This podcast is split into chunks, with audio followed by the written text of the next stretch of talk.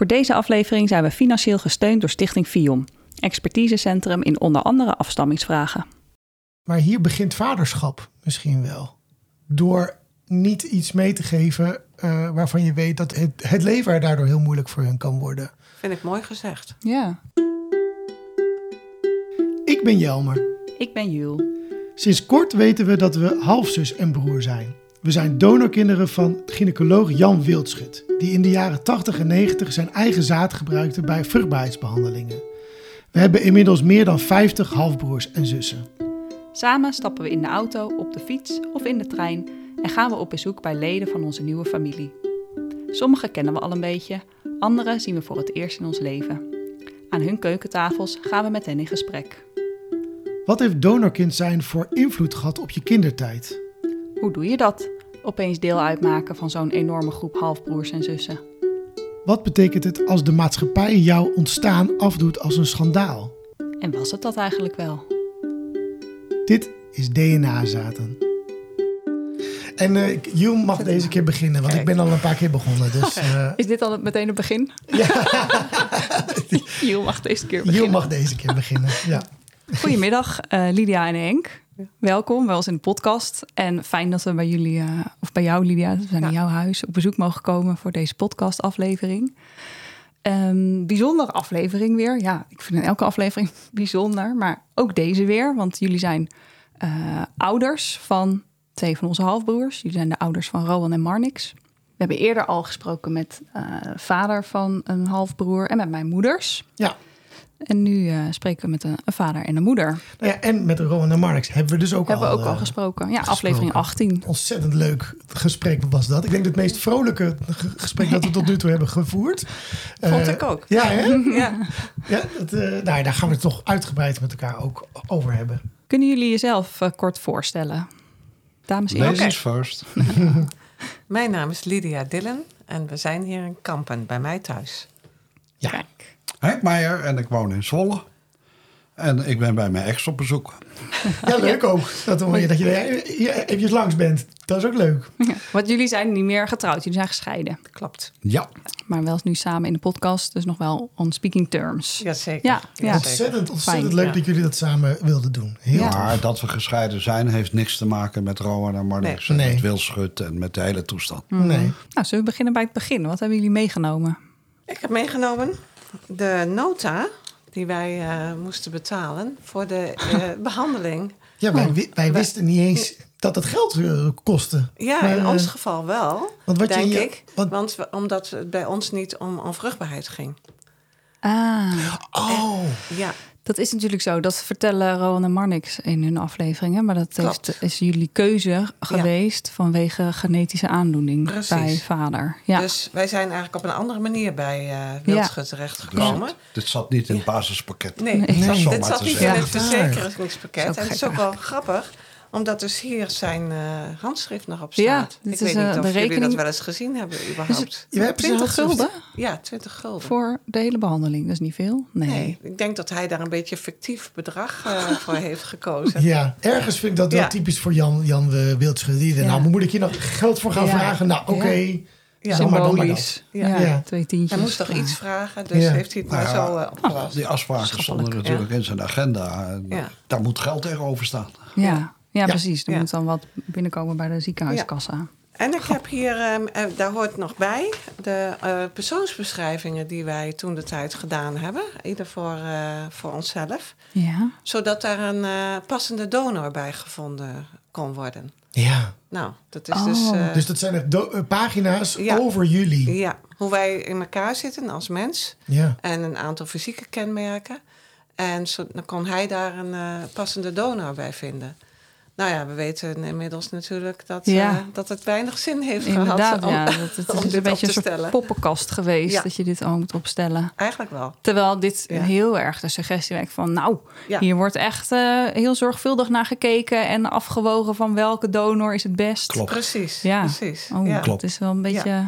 Dus, maar goed, ik weet niet of anderen dat al eens hebben aangedragen. Ik denk, nou, Nee. dat, eh, Ik nee. heb dat nog niet eerder. Nee. eh, Ik heb wel eens van mijn ouders gehoord dat ze een beetje zouden kijken qua uiterlijk. Ja, eh, blond haar, blauwe ogen en ongeveer Precies. even lang. Dat ze daarop zouden screenen. Maar ik, ik weet niet Maar of zij ook zo'n informatie, uitgebreide persoonsbeschrijving ja, ja, ja, hebben aangeleverd. Ja. Ja. Maar ook karaktertrekken, geloof ja, ik. ja. Ja. Maar hoe vaak sla je je vrouw en dat soort dingen. Ja, dat dat altijd erin stond. Ja. Ik- misschien moeten we erbij zeggen, Henk kan nog alles eh, grappen maken. Dat is prima, Henk. Dat, dat mag gewoon. En als het te, te veel is, dan, dan piepen we je weg. Dat is, Ja. god, bijzonder Maar wel, ehm, ja, ik krijg toch een beetje een naar gevoel bij. Want je, het wordt eh, eigenlijk nog meer een leugen dan dat het al was. Ja, Toch? Ja. nou ja, mis- misschien was hij dat van tevoren niet van plan. Dat weten wij Ja, natuurlijk dat zou niet. natuurlijk ook nog kunnen. Hè? Maar Ja. waar het op uitgedraaid is, Ja. hè? eh, ja, dan hebben deze papieren weinig zin uh, Of hij voldeed volstrekt aan de beschrijving van de donor die best bij jullie paste. Maar mm, nou, Toevallig. bij Toevallig. bijna iedereen. Ja. Ja. Ja. Dat- nee. Goh, nou, ja. Nou, en Mooi bijzonder inderdaad om, om, om eh, een papiertje te zien waar hij op heeft geschreven. Ja, en het ja. is ook echt een ouderwets handschrift. Mijn, Ja. moeder, mijn moeder had een soortgelijk handschrift. Met een vulpen ook nog, ja, denk ik. Ja. precies. Nou, je mag het wel even zien. Ja, bijzonder. de, luisteraars kunnen het niet zien. Maar, het is inderdaad Ja. zo'n schuin, cursief, eh, zwierig handschrift. ja, Goh, dit heeft hij vast gehad. Ik heb nu iets Ja. vast wat mijn biologische vader ook ja, dat is vast heeft Hij heeft het zelf Ja, geschreven. gehad. Ja, Grappig. Nou, Ja. ja. En Henk, ook jij hebt iets meegenomen. Ja, ik heb een geboortekaartje meegenomen van Rowan, de oudste. Hmm. Daar hebben we toen in overleg met elkaar een tekst op laten zetten. En dat slaat letterlijk op de keuze van ons, gezamenlijke keuze van ons, om via KI kinderen te krijgen. Ja. Nou kan ik het niet meer lezen. Dus Geef lees het die kaartje tekst aan maar mij. voor. Het is een mooi kaartje trouwens. Een wit kaartje met een gouden rand en twee kleine voetjes op de voorkant. The Universal Declaration of Human Rights. 10 december 1948. Article 1. All human beings are born free and equal in dignity and rights. They are endowed with reason and conscience and should act towards one another in a spirit of brotherhood. Article 29. Everyone has duties to the community in which alone the free and full development of his personality is possible. Wij vragen God hierbij de weg te wijzen. Blij en gelukkig delen wij u mee dat vandaag onze zoon, Roelof Jan, is geboren. Zo. Zo, dat is ook geen lichtzinnig geboortekaartje. Ik heb tot eerder Ja. die grap ge- gemaakt Ja. in de podcast met eh, Carla en Mieke. Dat ik zei, je hebt ook van die kaartjes zeggen, oren, oren, er is een kindje geboren. Daar hebben jullie ook niet voor gekozen. Nee. Het is nogal nee, want het was ook nog, dat kan ik misschien nog even toevoegen. Het was de dag dat Reagan en Gorbachev toen de handtekeningen hebben gezet. Ah, Ja. de dag dat Roa Ja. geboren is. Ja. Ja, of, of het was 10 december volgens mij. Maar in ieder geval, hij is van 8 december. En Ja. eh, Oh ja, kaartjes hebben we toen eh, 10 december verstuurd. oh ja klopt. Ja, Nou ja, ja, dat was toen heel actueel uiteraard. ja. Directe aanleiding voor mij om uiteraard in overleg met Lydia... om voor dit soort tekst te kiezen was... het is natuurlijk prachtig als je op de wereld komt... in een land als Nederland... Maar, eh, en, en, en, en, en de- dit artikel gaat nog verder in tekst... dat every man has the right to pursue his own happiness. Alleen, dat is wel verdomd moeilijk als je geboren wordt met een handicap. Ja, Eh, eh, niets is onmogelijk. maar je staat wel met Ook één dan kun je best gelukkig zijn. Maar je hebt wel een achterstand.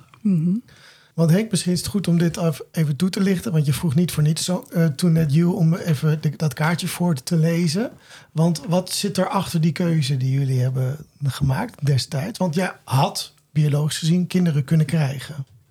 Dat weet ik niet. Nee, ik nou ja, nee, maar je weet niet dat het niet kon, zeg maar. Maar nou ja, eh, eh, nadat we een aantal jaar eh, gehuwd waren en eh, Lydia de gordijnen van de garage begon te wassen, Nestelgang. hè, dan, eh, ja, dan weet je hoe laat het is. Maar inmiddels was diagnose gesteld dat ik eh, slechtziend zou worden. Eh, ik was het eigenlijk al, alleen ik wist het toen nog niet. Ik had bijvoorbeeld geen no-claim meer met mijn autoverzekering, omdat ik constant tegen andere auto's op zat. Maar ik had geen idee hoe dat kwam. Er draaide een film in de bioscoop, Les Uns et les Autres. Dat was een Franse talige cultfilm van drie uur. En daar gingen we samen naartoe. En ik kon natuurlijk niet meer lezen. En dat was erg, want die lui die praten Ja. dialect Frans. Ja, Oh, dat ja. is er niks meer van te volgen. Als we Frans kunnen, ja, dan was dat geen probleem. Maar dat was dialect. Ja. Dus ik kon er geen touw aan vastknopen. Dus ik dacht van, nou, ik moet even naar de oogarts. Moet een minnetje of een plusje bij, een minnetje eraf. Even testen en dan nieuwe glazen. Probleem opgelost. Alleen, die stuurde me door naar het Radboud ziekenhuis in eh, Nijmegen. En daar werd de diagnose gesteld van, joh, ik heb goed nieuws en ik heb slecht nieuws. Het goede nieuws is dat je niet oud genoeg wordt om blind te worden, want je rookt en je drinkt daarvoor te veel. en het slechte nieuws is dat je wel erg slecht, eh, slechtziend wordt. En dat het genetisch was. Ja, want dat wisten ze dus ook al meteen. Dit is een genetische aandoening. En eh, ja, dat is meestal ook de kleur van je ogen. Als het met je ogen te maken heeft, is het bijna altijd genetisch. En zijn opa had iets soortgelijks. Dus we hadden zelf ook gelijk het idee. En ja. het is ook uitgezocht. Ja. Ja, op ons verzoek. En inmiddels, hoe triest het ook klinkt, is een neefje van mij. Die, eh, ik was inmiddels 27 toen die diagnose werd gesteld. Een neefje van me, die heeft niet eens meer op een bromfiets kunnen rijden. Ja, het ontwikkelt zich progressief. Die was al veel Ja. jonger, En, erger ja, slechtziend. Mijn grootvader Ja. die had het op veel latere leeftijd als ik. En ja, dus dat heeft het op een veel jongere leeftijd als ik. En eh, ja, dat was de reden. En, eh, ik heb- Was toen al, waren jullie toen al aan het nadenken over willen we een gezin? gaan? Wij waren toen al eh, bijna tien jaar getrouwd. Ja, Ja. ja. En eh, doordat Henk slechtziend werd, hebben we eh, de kinderwens eigenlijk een stukje uitgesteld. Mhm. ja. En we wilden dat eerst uit laten zoeken hoe dat allemaal zat. En dat heeft ook een aantal jaren geduurd. Dus eh, Ja, zo, zo is dat. het. Ja. En eh, toen dat denken helder was, was mijn keuze wel overwogen. Direct, dan moeten we via de KAI. Ja. Ik wou dit niet doorgeven. Nee. Maar het lijkt me ook, dat lijkt me ook een heftig moment. Nee. moment, niet Het was voor mij heel simpel. Ja, Uh, Mind you, uh, ik heb mijn hele leven kunnen werken en ik heb carrière kunnen maken. Alleen, dat ben ik. Uh, ik heb helemaal niet de garantie dat een ander dat ook kan. Ja, je zou niet willen dat je dit doorgeeft aan je kinderen... en dat Exact. zij daar eerder Of aan kleinkinderen, hè, want het is hebben. vaak dan... Sloeg een generatie over, geloof ik, hè? Waar je deze specifieke... Het vermoeden is dat het X-chromosomaal gebonden is. Oh ja, ja. Maar dat is niet 100% zeker. Want er waren niet voldoende mensen die het hadden in de familie. ex-chromosoom. Ja, Jules Ja. reageert met, oh ja, maar dat komt Ja. omdat Jules al arts is. Dat, is Ja. dat is niet heel eerlijk. Eh, de luisteraars zijn dat niet. Wat, wat bedoel je daarmee? Ja? Nou, dat het waarschijnlijk eh, aan, het, aan een X-chromosoom hangt. Dus dat betekent als, je, eh, als iemand eh, een- een fout X-chromosoom krijgt en er staat een goed X-chromosoom tegenover, dan wordt het dus een meisje. Eh, dan heft het op.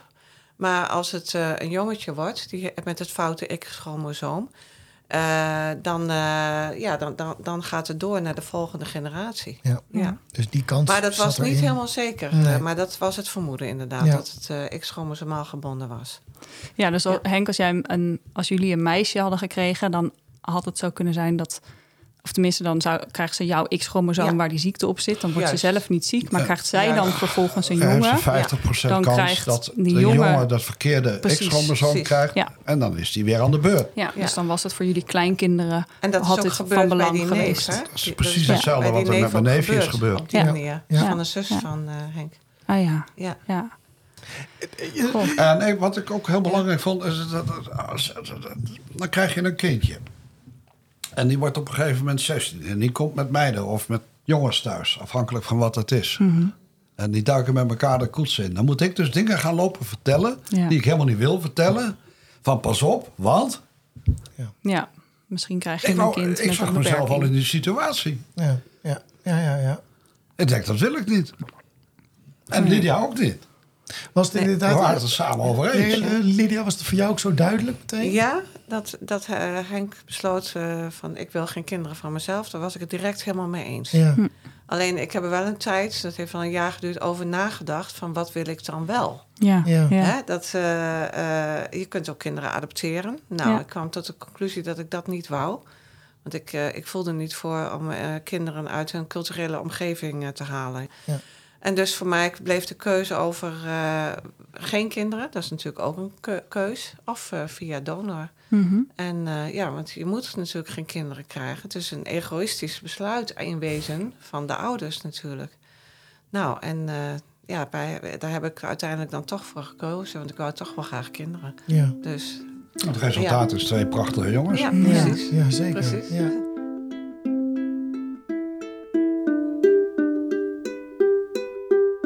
We willen een stapje terug, nog naar die tekst die op die, Ja. die geboortekaart stond. Want eigenlijk hebben we dat linkje niet. Wat, wat, Nou ja, wat jullie zegt- gedachten achter Ja. eh, die artikelen van, het, eh, ehm, van de verklaring van de, de rechten van de mens op dat kaartje, op het geboortekaartje? Nou, dat was duidelijk van... All people are equal. Maar als je met een handicap geboren wordt, ben je niet zo gelijk hoor. Ja, precies. Ja. Ik moet tegenwoordig zeggen beperking. Maar Dus jullie hebben de kinderen op de wereld willen zetten met gelijke kansen. Juist. Ja, Ja, ja. zo, zo kun je het wel een beetje zien eigenlijk. Ja. Ja. Ja. Ja. Nadat we die keuze hadden gemaakt, nadat ik ook zo ver was. Hè, van, eh, ja. Maar dan de gewetensvraag. Ja, Eh, die donor was, was anoniem. Ja. Dus jullie hadden ook geen idee wie wie die donor was. dat was ook een punt waar ik heel erg over heb nagedacht. Van, Ja, want van wil ik dat een kind aandoen? Ja, wil ik want- dat een kind aandoen? Want toen was het nog de anonieme donor. Ja. Maar ik had zelf wel gelijk het idee van... eh, er was ook, eh Wildschut vertelde ook dat zodra een kindje geboren werd... eh, dan werden de gegevens vernietigd. Ik heb dat nooit geloofd namelijk. En ja, dat klinkt heel gek misschien. Maar ik dacht, nou, dat kan ik me eigenlijk niet voorstellen. Dat bewaren ze wel in de, in de archieven. En, want ze willen ook gegevens over zo'n donor verzamelen. En ik heb ook toen gelijk gevraagd van... als we nog een keer een kindje willen... kan het dan van dezelfde donor? Nou ja, dat was allemaal moeilijk, moeilijk. Ja, hè? ja. Nou ja, jullie weten ook het Mhm. resultaat. Het is dus uiteindelijk wel gelukt. Ja. En dat wist hij natuurlijk ook. Maar hij moest natuurlijk richting ons wel een beetje de schijn ophouden... dat het een eh, anonieme donor eh, Ja. was. Maar ik, ik heb gelijk dus al niet geloofd dat dat inderdaad eh, Maar- eh, niet bijgehouden zou worden. Hmm. Hè? Maar voor ons Ja. was die anoniem. Ja. Ja. en daar ja, was ik ook heel blij mee. Ja. En ik had, wij hadden ons ook voorgenomen, we vertellen het zodra eh, kinderen daar eh, ja, dat, eh, ontvankelijk voor zijn, zeg maar, dat ze dat aankunnen. Want werd Ja. dat jullie heel erg op het hart gedrukt? Want dat is wel een beetje wat veel ouders vertellen uit die tijd. Van Ja. niet vertellen. Maar Ja. jullie dachten eigenlijk desalniettemin vrijwel direct... Nou, Ja, wij, wij, Nou, we wij hebben hadden- gewacht tot ja. Marnix, is de jongste, ja. een leeftijd had dat ze het allebei tegelijk konden horen. Anders Ja. heeft de ene een geheim voor de ander. Dat is ook niet goed. We hebben gewacht tot de jongste een bepaalde leeftijd had. Tien of elf Ja, of zo zo. rond de tien. Dat hij Ja. het kan snappen. Ja. Nou, toen hebben we samen dat verteld. Maar, Maar dat was onze intentie om dat eh, zo snel mogelijk te doen. Op- van, eh, maar hadden jullie wel... ja. En ik je- had ook de intentie, als ze later willen gaan zoeken naar een, eh, een, een biologische vader. Nou, dan, eh, dan help ik op alle mogelijke manieren mee om dat toch boven water te krijgen. Want ik, ik denk, nou, die gegevens moeten wel bekend zijn. Ja. Jij zegt, eh, Henk, ik was er ook blij om dat het een anonieme donor was. Ja. Ik, eh, ik zag het al voor me dat ik s'avonds voetballen zit te kijken. De bel gaat, ik doe open. Er staat een een of andere Jan Boerenlul op de stoep die zegt... ik ben de vader van je zoon. Dat zag ik helemaal niet zitten. Daar wou ik helemaal niks mee te maken hebben. En dat is wel grappig, want hier lijkt, hier lijkt een beetje verschil in mening te zijn. Omdat jij eigenlijk Ja. zegt, zodra ze willen zoeken, ga ik ze helpen. Zeg, zeg je, Lydia? Ja, is duidelijk. Ik moet, ik moet er niet aan denken dat zo'n man dan in, dan in, dan in ons leven komt. Ja, klopt. Ja, Klopt. Ja dat klopt. is het, heb je er daar vaak over gehad door de jaren heen? Nee. Is dat, Nee, eh, nee. eigenlijk Nee, dat zo. is eigenlijk... Komt dit allemaal door Wildschut? Dat dit Ja. nu allemaal Ja, opgerakeld wordt. Ja. ja, Dat ik daarover nadenk. Dat ik denk van, hoe zat ik er toen in? Ja. ja. Anders had je daar en- 30 en jaar waarom later heb niet meer ik zo bepaalde keuzes gemaakt? En waarom heeft Lydia bepaalde keuzes gemaakt? Kijk, uh, Marnix en Rowan zijn nu allebei volwassen kerels. En die hebben daar ook, heb ik daar ook nooit over gehoord. Nee. Dat is Van, ook wel, dat eh, ze op zoek willen of zo. Of, of ook niet voordat ze... Nu weten ze dat ze van Wilschut zijn. ja. Maar daarvoor heb ik ze er nooit over gehoord. Ik heb het ze een aantal keren aangeboden. Van als jullie, eh, als jullie op zoek willen, of hè, dan willen weten. En er was inmiddels ook al DNA-testen. Dat kwam toen ook een beetje op. En eh, nee, waren ze helemaal niet zo in geïnter- Ja. geïnteresseerd op dat moment. Nee. En eh, toen had ik ook zoiets van, nou ja, misschien tegen de tijd als ze zelf kinderen hebben. Misschien komt dan die wens meer naar boven om Ja. dat uit te zoeken. En maar ja, toen kwam in- in de tussentijd het Ja, eh, kwam wildschutverhaal nieuwsbericht natuurlijk. al ja. naar, win, naar, naar, Ja. naar buiten. Marnix en Rowan hebben hier ook over verteld in, de, in, de, in het gesprek dat we met hen hebben gehad. Dus misschien is het leuk om daar even naar te luisteren, eh, wat zij daarover eh, vertellen? En, en, en, en Ik denk hoe dat ik wel weet welk luisteren? fragment jullie gekozen Ja? hebben. Hebben we, nou, misschien weet je, laten we eens even kijken. Hoe, hoe was dat moment dat het jullie verteld werd dat jullie donorkinderen zijn? Wat weet je daar nog van? Ja, ik, ik weet dat het heel onwerkelijk eh, was. Het was eh, echt begin eh, januari, volgens mij de dag na, na oudjaar. Dus dat, eh, volgens mij waren we allebei nog een beetje eh, Mm. brak. En ehm, ja, onze ouders waren toen al gescheiden een aantal jaar. En nou, we- waren allebei bij eh, onze vader. En eh, onze moeder was er toen ook op een gegeven moment. We dachten, hé, hey, hoezo is, dat, eh, is onze moeder nou hier in één keer? En de En- bekende, we moeten jullie wat vertellen. Ja, toen eh, ze zaten allebei aan, aan een tafel waar ze eigenlijk nooit aan zaten. Dus ja, toen zeiden ze van, ja, je moet inderdaad wat vertellen. Dat, dat we donorkinderen waren. En in het begin eh, bevat je het niet. Van, Nee. hè, wat, wat betekent dit? Wat Ja. is dit? Bijna, bijna onwerkelijk. Ja, en voor mij kwam het eh, compleet out of the blue. Ik Ja, heb er ook nooit ja. eh, aan getwijfeld of Nee. over nagedacht. Of, eh, Ja, ik denk dat we met z'n allen een beetje diep eh, weg hebben gestopt. En eh, zo van, nou, daar, daar praten we niet meer over. En op de achtergrond bleef het nog wel een beetje spelen.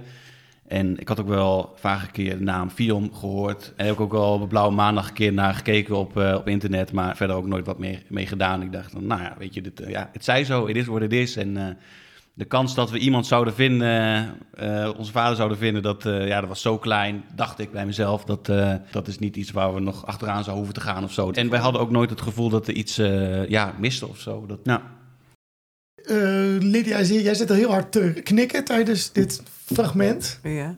Eh, dit, het, het sluit wel aan bij wat jullie al een beetje zeiden. Hè? Van, nou, we hebben het er ook niet meer zoveel over gehad. Het, het, Nou, het lijkt wel haast of ze het soms een beetje weggedrukt hebben. ja. Want ik weet absoluut zeker dat ik het een Nou ja, aantal jij keren... net, ja, ik heb aangeboden keer heb. gezegd. Ja. Ja. En toen was het helemaal eh, eh, geen, eh, geen item eigenlijk. En toen dacht ik op een gegeven moment...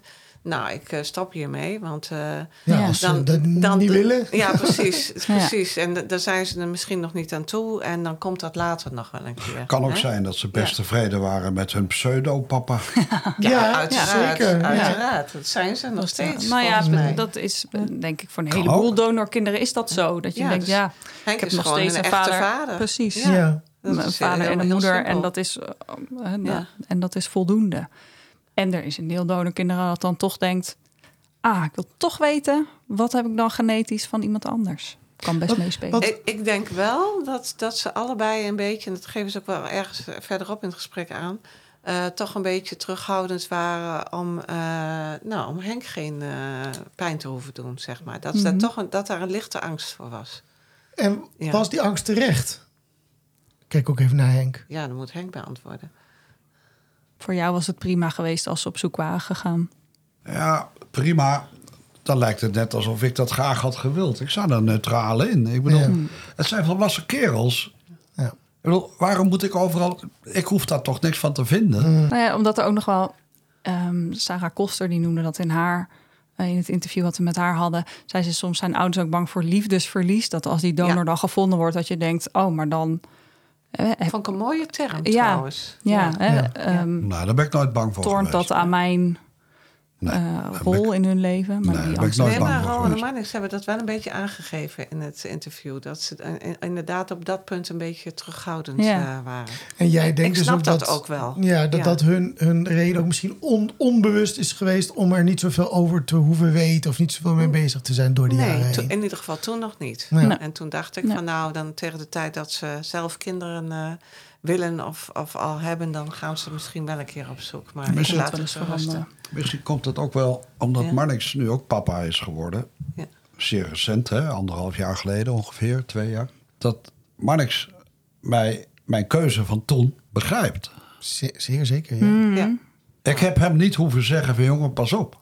Want, Ja. maar als je dan zelf een kindje krijgt, vader wordt. Ik denk ook dat dat de reden is dat Marnix, eh, de openingszin van Marnix tijdens Ja. die podcast nummer 18. Omdat hij zelf vader is geworden onlangs. Die Zullen we hebben die we- er maar bij pakken? Ja, want die wilden we jullie ook we laten ook in de voorbereiding staan. Ja, dus het is heel terecht dat je die eh, erbij pakt. Ja, ik ben ontzettend trots op onze ouders dat ze die eh, beslissing hebben genomen. Want eh, ja, het, het is nogal wat om eh, te kiezen. En zeker eh, voor mijn moeder, maar ook voor, met name natuurlijk voor mijn vader. Van, eh, dat hij er bewust voor kiest om niet de biologische vader te zijn. Om de volgende generaties eh, eh, het risico niet te lopen dat ze die, eh, die erfelijke ziekte oplopen die die zelf, of aandoening die hij zelf heeft. En ja, dat ben ik nog steeds absoluut ontzettend trots op dat ze die, de volgende generaties voorop hebben gezet, als het ware. Ja. Kijk, Marnix heeft het nu twee keer over de volgende generaties. Ja. Ja. daar is hij nu zelf vader van. Ja. Ik luister inderdaad nu wel met andere oren naar dit stukje. Want ik, ik kon het toen al goed volgen. Maar nu jij zegt, ja, hij is natuurlijk heel recent zelf vader geworden. Dat je dan ook misschien meer de zwaarte snapt van de keuze om dus niet zelf biologische vader te worden van het kind. Ja. Dat Nou, die- Wij stonden Ja. daar en staan daar 100% achter. Maar het is wel heel fijn te horen dat, eh dat Ja. hun daar ook achter eh, staan. Nou, Hè? nu ik ja. het, nu ik ik het weer hoor en nu ik Ja. ook, ook jou Henk, erover, of jullie allebei het over heb, ge- ge- heb gehoord, eh, het, kwam net bij me naar binnen dat ik dacht, oh ja, dit is, maar hier begint vaderschap misschien wel. Door niet iets mee te geven eh, waarvan je weet dat het, ze, het, het leven er daardoor heel moeilijk voor hun kan worden. Vind ik mooi gezegd. Ja, je maakt de egoïstische keuze om een kind te willen, maar je kiest eigenlijk meteen al het geluk van dat kind boven je eigen Precies. behoefte om een biologisch kind te krijgen. Nou ja, ik Heel heb nobel. zo'n beetje mijn halve werkende leven in de verzekeringen gezeten. Dus je doet niet aan risicoaanvaarding, om maar een technische kreet te noemen. Ja, ja je, je beantwoordt hem ook vrij technisch, Henk. Maar ik, ik hoop dat je hem ook in je zak kan steken. Want volgens mij is dit wel een heel, is dit een heel eh, eh, vaderlijke keuze geweest. Dat begin, denk ik. Los van hè, donor, anoniem, hoe moet dat verder? Maar los daarvan, eh, ik kan me voorstellen dat er bij heel veel mensen is ook de, de behoefte, de drang zo groot om zichzelf voort te planten of door te geven, zeg maar. Ja, dat vind ik bijna dierlijk. ja, je behoefte om jezelf voor te planten. Nee, misschien, misschien verwoord ik het wat. dat hadden eh, klinisch, Neandertalers maar- hadden dat. Ja. Eh, wij leven in eh, toen de tijd in 1900 zoveel. Dus daar maakt het toch geen fluit uit. Heb jij ze dan ook vanaf het begin af aan, af. heb je het vanaf het begin af aan ook van hen volledig gezien als jouw kinderen? Ja, natuurlijk. Ja, maar mijn, mijn vader zegt het ook namelijk altijd. Ik heb Hij ze geboren zien worden, man. Ver, vergat jij het ook soms? Maar mijn, mijn vader vergat het soms dat, hij, dat wij niet biologisch zijn kinderen waren. Was dat bij jou ook zo? Of heb je dat wel altijd in je hoofd gehad? Wel, nee, joh. Dat is, nee. Eigenlijk kwam dat weer pas weer boven water door het hele wildschutverhaal. Ja, ja, ja. ja. Ja. En natuurlijk op het moment dat we ze aan tafel hebben geroepen... Of, om ze Ja. te vertellen hoe de vork in de steel zat. ja. ja, verder heb je er eigenlijk maar bij Maar stilgestaan. daarna geen moment. Nee. Nee. En mijn ouders die eh, geven aan, eh, we vonden het in de opvoeding soms best lastig. Want dan dachten we, eh, dit kunnen we niet helemaal plaatsen. Of dit herkennen we niet bij een van ons twee. Hebben jullie dat soort dingen in de opvoeding gehad van Rowan en Marnix? Dat je dacht, hé, hey, komt Ja, het dan van wel. de donor? Ik niet. Ik Nee. wel. Maar waarschijnlijk, waarschijnlijk ben ik daarvoor te veel papa. Maar Lydia, jij geeft aan, ik heb het al gehad. Ja, nou, zowel eh, qua uiterlijk. Eh, eh, Ja. ja, ik bedoel, ze waren sowieso heel erg verschillend van elkaar. Terwijl ze volle Ja. broers blijken te zijn. Daar Hadden- Ja. komen we nog op zo. Ja. ja. Maar, dus, maar de, ik herkende dingen van mijzelf qua uiterlijk en qua karakter. eh, bij allebei. Maar ja, van Henk natuurlijk eh, niet zo. ja, we deden wel tegenover eh, andere mensen van... ja, ja, Henk heeft ook donker haar, hè? Nou, niet meer inmiddels, maar... eh, Dat hoeft niet iedereen te weten. Precies, hè? dat wisten mensen niet. Oh, nu weten ze ja, het. Ja. Rowan heeft mijn kleur, eh, kleur en Marnix heeft meer de kleur van Henk. Hè? Ja. Weet je, op, zo- zo'n oh eh, ja. tour. Hè? Ja. Maar, nee, ik, ik, eh, ik, ik heb wel dingen gezien die ik eh, niet kon linken aan Henk of mezelf, Ja. inderdaad.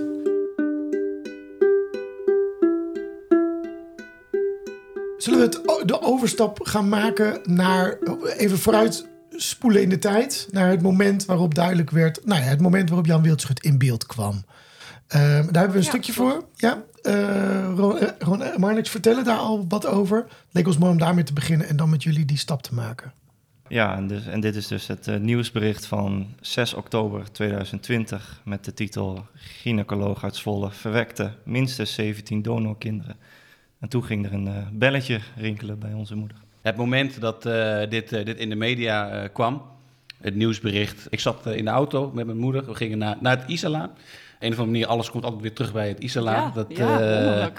Gewoon voor onze iets moeder anders. was eh, in 2020 eh, in behandeling daar. Toen reden we in de auto daar naartoe. En toen hoorden ze dat nieuwsbericht. Of toen las ze het op de telefoon of zoiets. Ja, ze las het nou, op de Stento-app. Op de Stento-app. Ja. En ehm, nou, dat, eh, toen, toen las ze dit eh, nieuwsbericht. En eh, nou, dat is eigenlijk hoe het eh, balletje is eh, gaan rollen. Wat ehm, herinner jij je nog van dat moment, Lydia? Elk moment. Elk moment. Ja, ik Ja? Zat, ja, Rowan reed en ik zat ernaast. Ja, anders had ik ook niet op de telefoon kunnen kijken. En eh, ik zat inderdaad even de Stentor-app te kijken. En toen las ik dat eh, bericht. En eh, er was ook nog twee, eh, twee van de kinderen zouden s'avonds, meen ik, een, eh, in, in, in op één zitten. Ja. Dat stond er volgens mij ook nog bij. Ja. Nou, en ik, ik, ik las dat en ik had gelijk zoiets van, nou, dit, dit, eh, voor mij vielen op dat moment eh, Hmm. kwartjes. eh, Ja? Je wist het ja, meteen. ik had gelijk het gevoel, dat kon wel eens, in ieder geval voor een van de twee eh, gelden. En het- ik zei dat ook gelijk tegen Roon, zeg, moet je, eh, ik- moet kijken wat ik nou lees.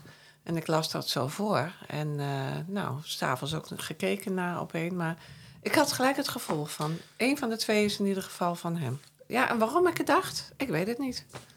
Ik, ik heb toen de tijd eh, wel gevraagd, ook aan eh Wildschut... van eh, wie zijn nou eigenlijk eh degene die donoren?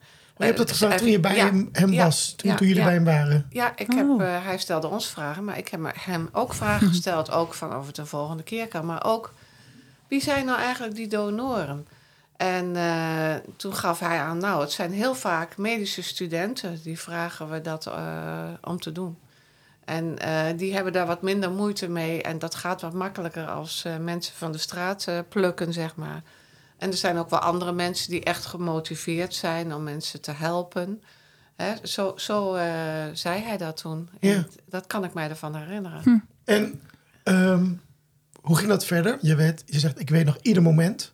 Ja, dat ik eh, toen met Rowan in de auto Ja. zat en eh, ik gelijk het gevoel kreeg van... eh, en wat, weet je nog hoe ja. Rowan, eh, wat, wat, hebben jullie erover gepraat? Ja. Zei nou, ga, ga je meteen laten testen? Of wat, hoe? eh, ja, toen heb ik er ook wel op aangedrongen van... nou, misschien is dan dit dan toch het moment dat jullie er wat mee moeten gaan doen. Ja. Nu, En- eh, nu is het klaar met het weg, eh, wegdrukken en wegmoffelen. Ja, Nou moet het. Uiteraard lag het wel bij hunzelf, maar ik heb ze dat wel eh, aangegeven, inderdaad. En eh nou, s'avonds op één gekeken en eh, daar later, er waren, dacht ik, Luca. Kan Ja, dat Luca kloppen? en Margreet. En Margreet. En eh, nou, dus eh, toen ben ik direct alles eh, daarover gaan volgen, eh, inderdaad. Ja? en jullie kwamen ook op een gegeven moment in beeld natuurlijk. Ja, Ja, dat was ietsje later nog. dat was Ja, iets later. dat was maart het jaar daarop. Toen werd KIE bekend. En toen zijn wij, Jelmer, ik en Christine, daarover bij het NOS Journaal geweest. Ja, Dus- ik, ik, ik, ja, nou, meteen al een- echt, dat staat, oh, sorry, op, op, op mijn netvlies gewoon, dat Ja. moment. Dat eh, ik dacht, nou, Echt zo'n kantelpunt in het leven eigenlijk ook. Ja. Hè? Dat je, soms eh, draaien Ja. altijd dingen in een rondje in het leven. Komt het weer eh, terug. Hè, Mhm. bij, en ik had gelijk het idee van, nou, dit, dit, dit is zo'n ding. Ja, Ja. heel Ja. raar. Hebben, jullie- hebben jullie toen nog contact met elkaar gehad? Eh, wij hebben er wel later eh, contact over gehad. Dat hele nieuwsgebeuren, dat is volkomen buiten mij omgegaan. Het interesseert me geen moer. Hm. Dus laat maar gaan. En op een gegeven moment werd ik gebeld eh, door Marnix uit eh, Helsinki. En die vroeg van hoe ik daarin stond als hij zijn DNA zou laten onderzoeken. Mhm. Ja. Ik zei, waarom vraag je dat aan mij, man? Je bent een volwassen kerel. Kom op, als jij dat wil, dan moet je dat doen. Dat is echt grappig hoe zorgvuldig zij iedere keer in de- Ja. dit soort dingen zijn. Dat is heel Ja, zorgvuldig. maar, dat, eh, ja, maar het zijn net de jongens, hoor. ja, ja, ja, ja. goed opgevoed. Ja, precies. En eh, wist je, want had jullie het over gehad? Jij zei, nou, ik denk echt dat, dat er misschien een van de twee wel Ja. Wat, wat, Henk, had je daar dat gevoel toen ook? Dat je dacht, oh ja, nou, dat zou net wel kunnen. Of ik zie dat ook. Of, of, of Maar toen Marnix mij gebeld had, toen ben ik dus eh, inderdaad even die nieuwsberichten gaan eh, nalezen. Dan denk ik van, nou ja, dat wordt wel, wordt spannend. Dat wordt wel lachen natuurlijk. moet wel lachen. Ja, hoeveel schutjaren zullen er zijn, weet je wel? Ja. Nou ja, goed, dat is, nou, de rest is bekend natuurlijk. Iedereen die deze podcast eh, hoort, die kent de hele geschiedenis. Nee. Dat werden er meer en meer en meer en dat het meer. is afgelopen. En Ja, uiteindelijk, eh, of uiteindelijk, al vrij snel bleek dat uh, Rowan en Marnix volle, volle broers waren. Ja, ja dat dat was voor mij wel Ja. een complete verrassing hoor. Misschien Ja. is het leuk. Ja. want Voor daar we, dat, wat, Ja. dat vond ik het grootste, vrij humoristische, vrij hilarische Ja. stuk uit de podcast die we met hen hebben gehad. Eh, maar dat kunnen ze zelf denk ik het beste eh, vertellen. Dus laten we daar eventjes nog naar, naar luisteren. Ja, eer- heel eerlijk gezegd, ik heb altijd gedacht dat wij niet volle broers zouden zijn. Want eh, Durf je. dat durf ik- Dit wordt nu pijnlijk. Nu zie ik eh, een scheuring ontstaan. Ja. Wow. Maar ik snap, als ik jullie Ja. naast elkaar zie, snap ik jouw gedachten wel. Want jullie lijken qua uiterlijk niet heel erg op elkaar. Nee. Er vielen eigenlijk eh, puzzelstukjes vielen op hun plaats die niet op hun plaats zouden moeten vallen. ja, klopt. Eén ding wat we zeker wisten was, oké, dit is duidelijk. We zijn geen volledige broers van elkaar. Dit Ja. kan gewoon niet. En dus dat deze, die zekerheid dachten we te hebben, zeg maar. Dat, Toen eh, dachten we van, oh ja, daarom. Daarom dan is het dus niet zo. Retro-perspectief. Dat Ja. is precies, maar dit is precies, wat, ja, want dit is precies wat mijn broer en ik toen tegen elkaar zeiden. Oh, nou, dat, va- daar, viel, daar vallen puzzelstukjes op Ja. de plek. Bij ons bleek dat ook te kloppen, eh, maar bij jullie dus niet. Nee, Ja. Ja. Hoe, hoe was dat voor, voor jullie? Want zij, kwamen, zij dachten Ja. dus, oh, dit verklaart alles, we zijn halfbroers. Nou, eh, toen eh, wij zwanger wilden worden van wat later dan Marnix eh, bleek te zijn... toen heb ik het ook nog weer specifiek aan Wildschut gevraagd... of Ja. het toch nog mogelijk was om van dezelfde donor een, een, een kind te krijgen. Ja. En toen, ja, toen, hij ontweek dat een beetje. Hij, ja, nou ja, het is ook alweer een tijd geleden. Een beetje moeilijk, moeilijk. En nou, ik zal wel even kijken. Een beetje op die, maar wij wilden dat ook verder niet te veel pushen of wat dan ook. En toen werd Marnix geboren. En toen dacht ik, nee, het zijn toch, het zijn toch halfbroers. Ja, En dat hebben we, heb ik dus ook al die tijd gedacht. Ja. Omdat ze zo uiterlijk verschillend zijn. ja. En eh, dus het was ook een complete verrassing voor ons. Maar wel een leuke verrassing. Dat ze toch volle, Volle zijn. lijkt te zijn. Ja. Ja. ja. Ik vond, wel, ik vond het wel grappig. Ja. Eh, eigenlijk niet meer dan dat. Ze tarten eigenlijk een beetje met het hele nature-nurture debat. Dat ze hebben en dezelfde Ja. genen en dezelfde opvoeding. En toch lijken ze in een heleboel dingen helemaal niet op elkaar. Klopt. Ja, ja. ja, dat kan. Ja. Ja. Ze lijken eigenlijk meer op halfbroers en zussen. Hè, Rowan lijkt meer op jou, Jelmar. Ja. En Marnix lijkt meer op een andere halfbroer van ons... dan dat Ja. zij onderling op elkaar lijken. Klopt. Ja. En hoe is het dan? Want laatst, eh, Henk, jij was laatst bij een eh, ontmoeting met halfbroers en zussen en met vaders en moeders eh, die daar ook bij waren.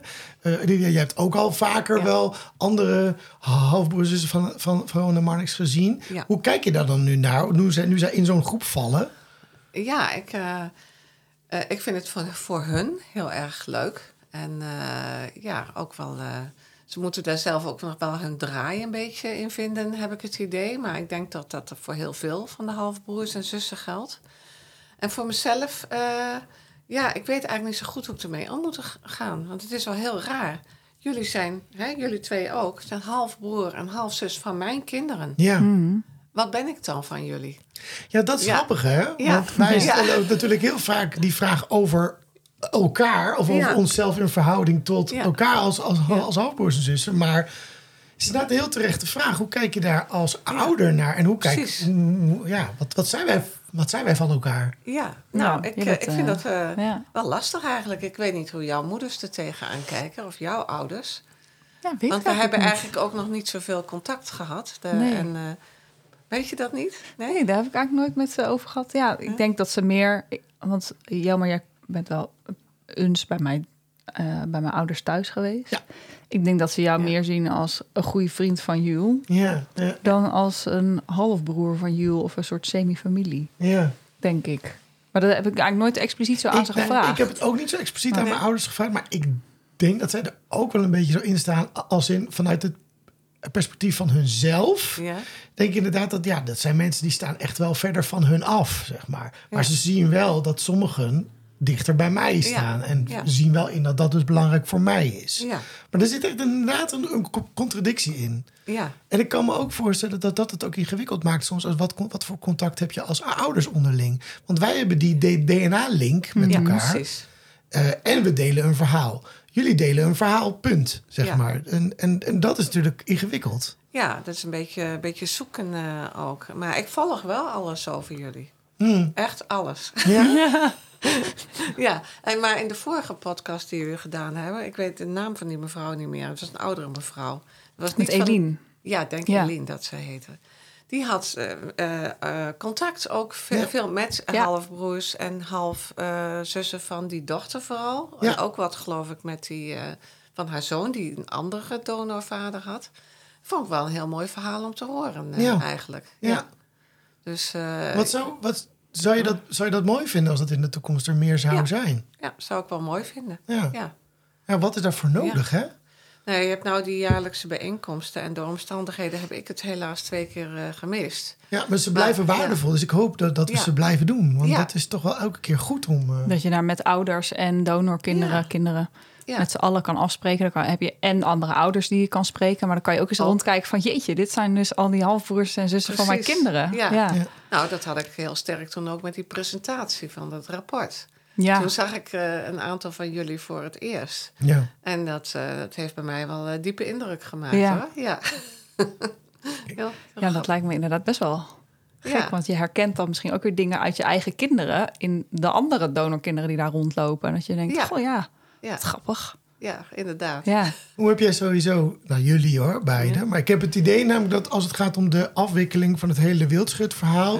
Lydia, dat jij daar wat meer op zit dan Henk. Klopt dat? Zeg ik, dan zeg ik het heel Nou, dat weet ik wel zeker. ik, ik probeer het nog subtiel te zeggen, Henk. Ja, nee, dat gaat je goed dan. maar ja, ik vind het allemaal prima, joh. Weet Ja. je. Ik, eh, ik vond de bitterballen met Pekstadion geweldig. Ja, toch? Die Ja. zijn goed. En het zijn er altijd heel veel. Het er dan- Ja, ja, daarom. En eh, goed Heineken biertje, lekker man. Mensen denken nu, wat Pekstadion? Maar voor de duidelijkheid, één keer per Die jaar eh, eh, eh, eh, geeft het Isla ziekenhuis ons de gelegenheid. En ze, en ze Ja. financieren dat om met de hele groep bij elkaar te komen Die dat wil. En dat doen ze altijd in de skybox van het Pekstadion. Dus dat mensen dan weten. Eh, Lydia, je bent wel heel nauw betrokken gebleven bij de hele afwikkeling. Dus je, je was ook bij de presentatie van de, de, de externe, externe onderzoekscommissie die vertelde wat zij over wildschutten eh, hadden uitgevonden en hoe het volgens hen in elkaar zat. Wat, hoe heb je dat beleefd? Wat, wat, hoe, heb je, hoe kijk jij daarop terug? Eh, nou, ik vind het heel goed dat dat gebeurd is. En ook eh, mooi dat die presentatie eh, er was. Maar wat mij toch wel een beetje opviel, CQ haast stoorde, was de terughoudende opstelling van Isla. Dat heeft- Hmm. vond ik wel heel jammer. Ja. En eigenlijk hebben ze dat nog steeds een beetje. Want eh, ja, ik vind gewoon dat alle kinderen actief opgespoord eh, moeten worden. En dat vind ik eigenlijk ook al vanaf het begin. In ieder geval dat ze de kans krijgen. Ja, dit is een En- heel moeilijk ja, onderwerp. Het is, hè? is een moeilijk punt, snap ik. Hier hebben wij, Ja. veel, ja, hier hebben wij ook veel over zitten praten met elkaar. Eh, Ja. Misschien voor de, voor de Zal luisteraar ik dit kort interessant. samenvatten? Ja, Jij kan dat de onderzoekscommissie van Didi Braat, dat is een Ja. onafhankelijke onderzoekscommissie, die heeft het hele dossier wildschut uitgeplozen van nou wat is er gebeurd in die tijd. En die hebben adviezen gegeven aan het ziekenhuis.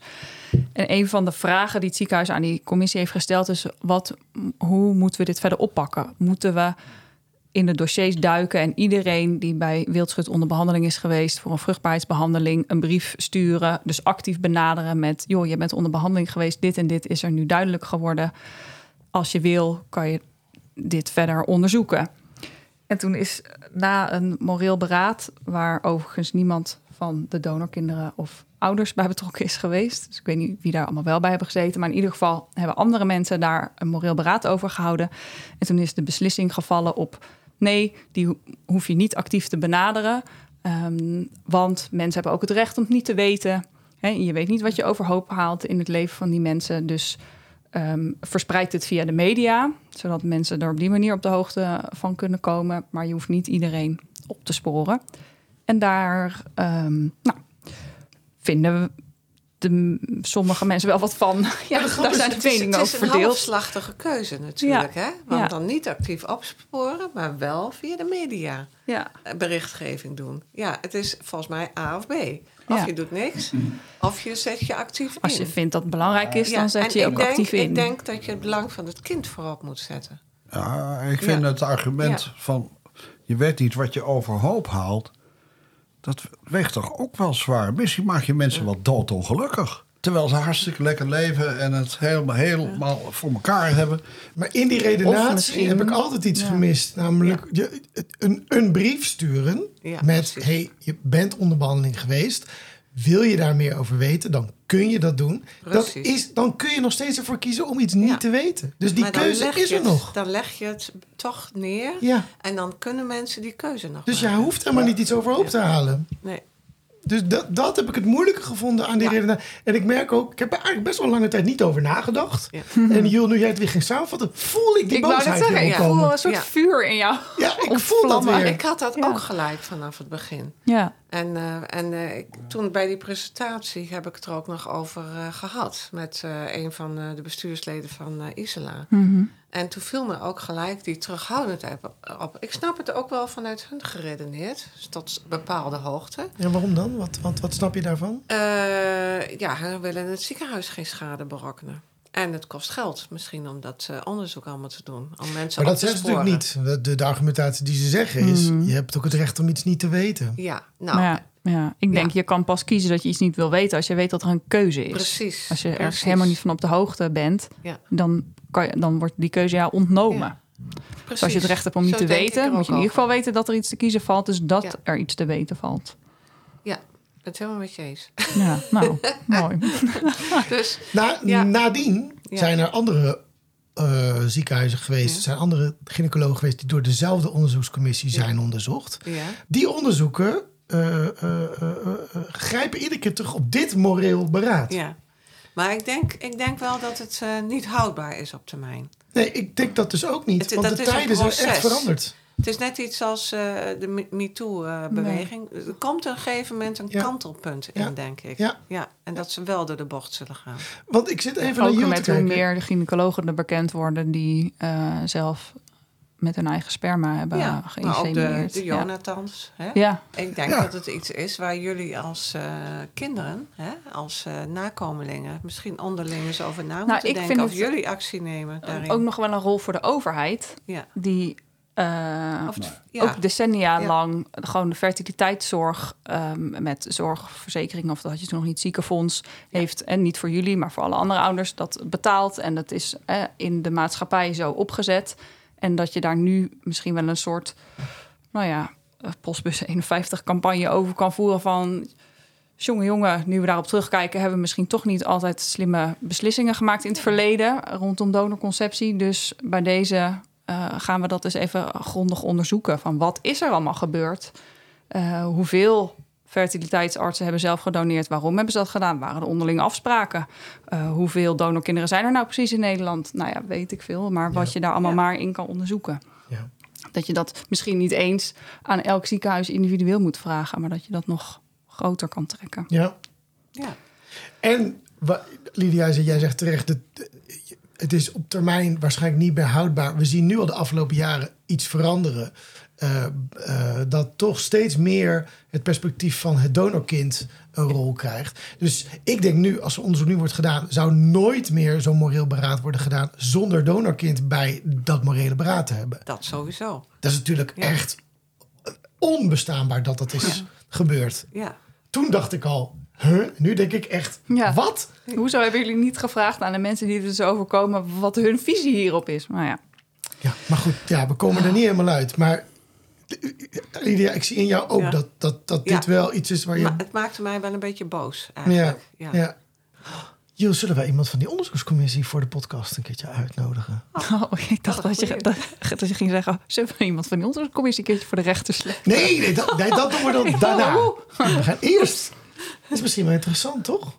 Ja. Ja, dat zou, is Was heel niet, eh, interessant. Professor eh, van Leeuwen of zo'n soort naam die daar eh, Ja, die, de die e- ethicus. braad, oh ja, die medische ethicus. Ja.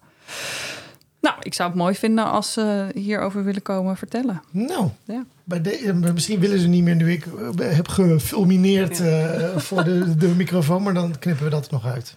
Maar eh, ik vind het dat het ook middels jullie podcast, hè, dat het ook eh, goed is dat het aan de orde wordt gesteld. Ja. Om het ook breder te trekken eh, als eh, alleen eh wildschut, hè, maar voor alle donorkinderen.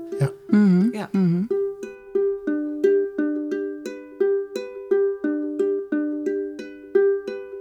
Met de kennis van nu. Ehm, jullie hebben twee kinderen gekregen met behulp van dokter Wildschut. In de breedste zin van het woord.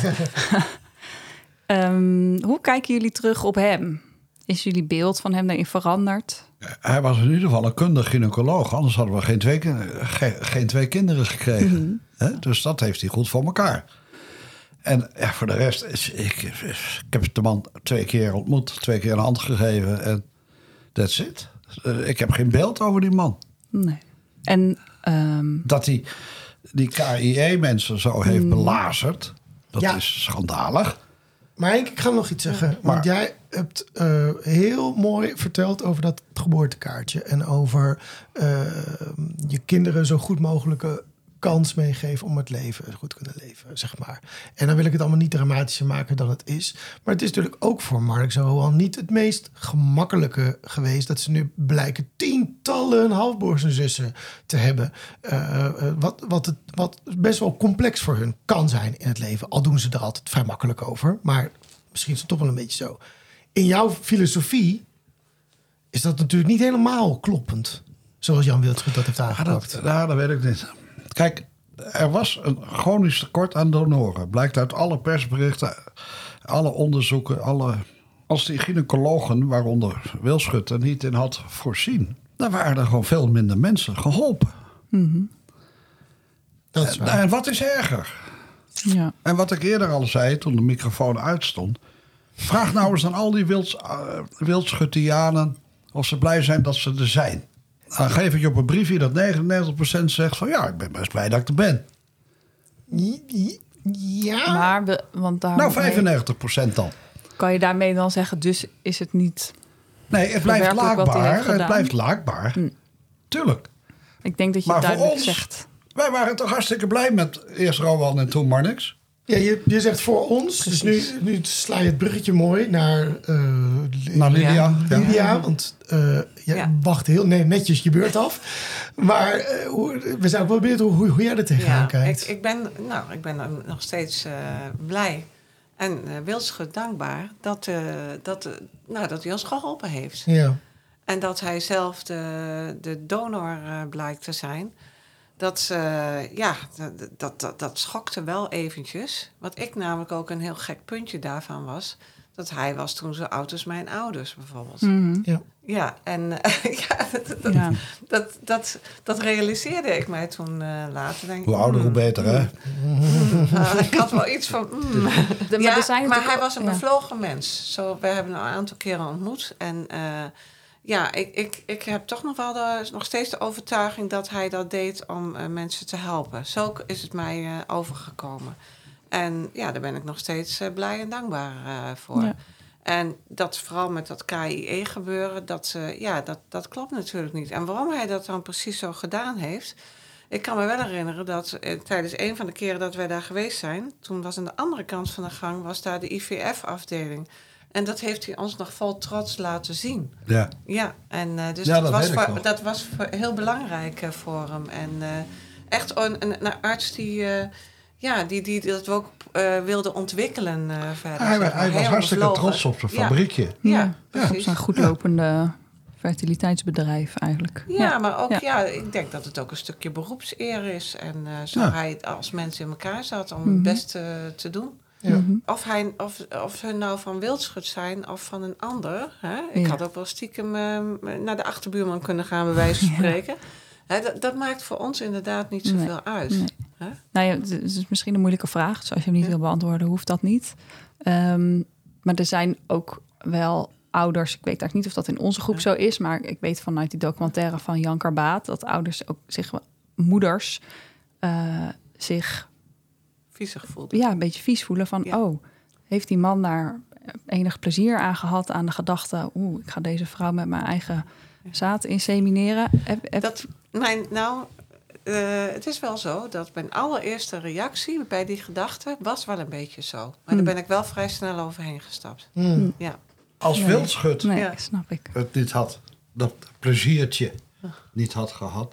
dan had een andere donor dat, Dat is waar. gehad. Maar die afstand is dan natuurlijk groter. Ja. Want die donor ziet niet aan wie die dat Nee, zaad doneert. En, en Ja. Dus daar die... snap ik echt ja. wel je gevoel Ja. in hoor. Echt, Ja, wel. en ik Ja. weet ook, ik ben ik geen heb ook wel eens dus ik Ja. kan gelezen daar niet dat hij- bepaalde kinderen zelf ter wereld eh, heeft gebracht. Ja. Daar heb ik ook zoiets van... Ja, aan de ene kant snap ik dat wel een beetje. Aan de andere denk ik... Hmm, Je kijkt het toch allemaal een beetje met andere ogen nu je weet wat er is gebeurd. Hè? Ja. Dat ik snap gedaan. wel dat die kabouter natuurlijk constant bij wordt gehaald. Maar volgens mij zijn er twee compleet verschillende Ja. verhalen. Ja, volgens mij Ja. ook. Dat denk ik ook inderdaad. Zijn er nog dingen die jullie nog graag hadden willen delen, maar waar we nog niet aan toe zijn gekomen? Maar wat mij betreft niet. Mooi, Henk. Wat mij betreft ook niet. Oké, nou, dan zijn we rond. Ja, Dank jullie wel, Henk Ja, en Lydia, heel- voor jullie openheid. Nou, graag gedaan. Bijzonder. En, eh, dank jullie wel. Nou, wat schuift dat? Voor, voor jullie, eh, 20, 20 gulden. 20 nee, gulden, ja. ik heb het Florijnen. terugverdiend. Nee, ontzettend bedankt. Dit was DNA Zaten, een podcast van Jelmer en Jules. Wil je ons steunen? Ga dan naar vriendvandeshow.nl slash dnazaten. Je kunt ons ook volgen. Kijk dan op Instagram, dnazaten. Heb je behoefte aan meer informatie? Kijk dan op de websites van FIOM, Stichting Donorkind en het landelijk informatiepunt Donorconceptie. De linkjes vind je in de show notes en op dnazaten.nl. Ben je op zoek naar verdieping? Lees dan de roman Kit, K-I-D, die Jelmer heeft geschreven over zijn verhaal en die je kan vinden in de boekhandels. Tot de volgende!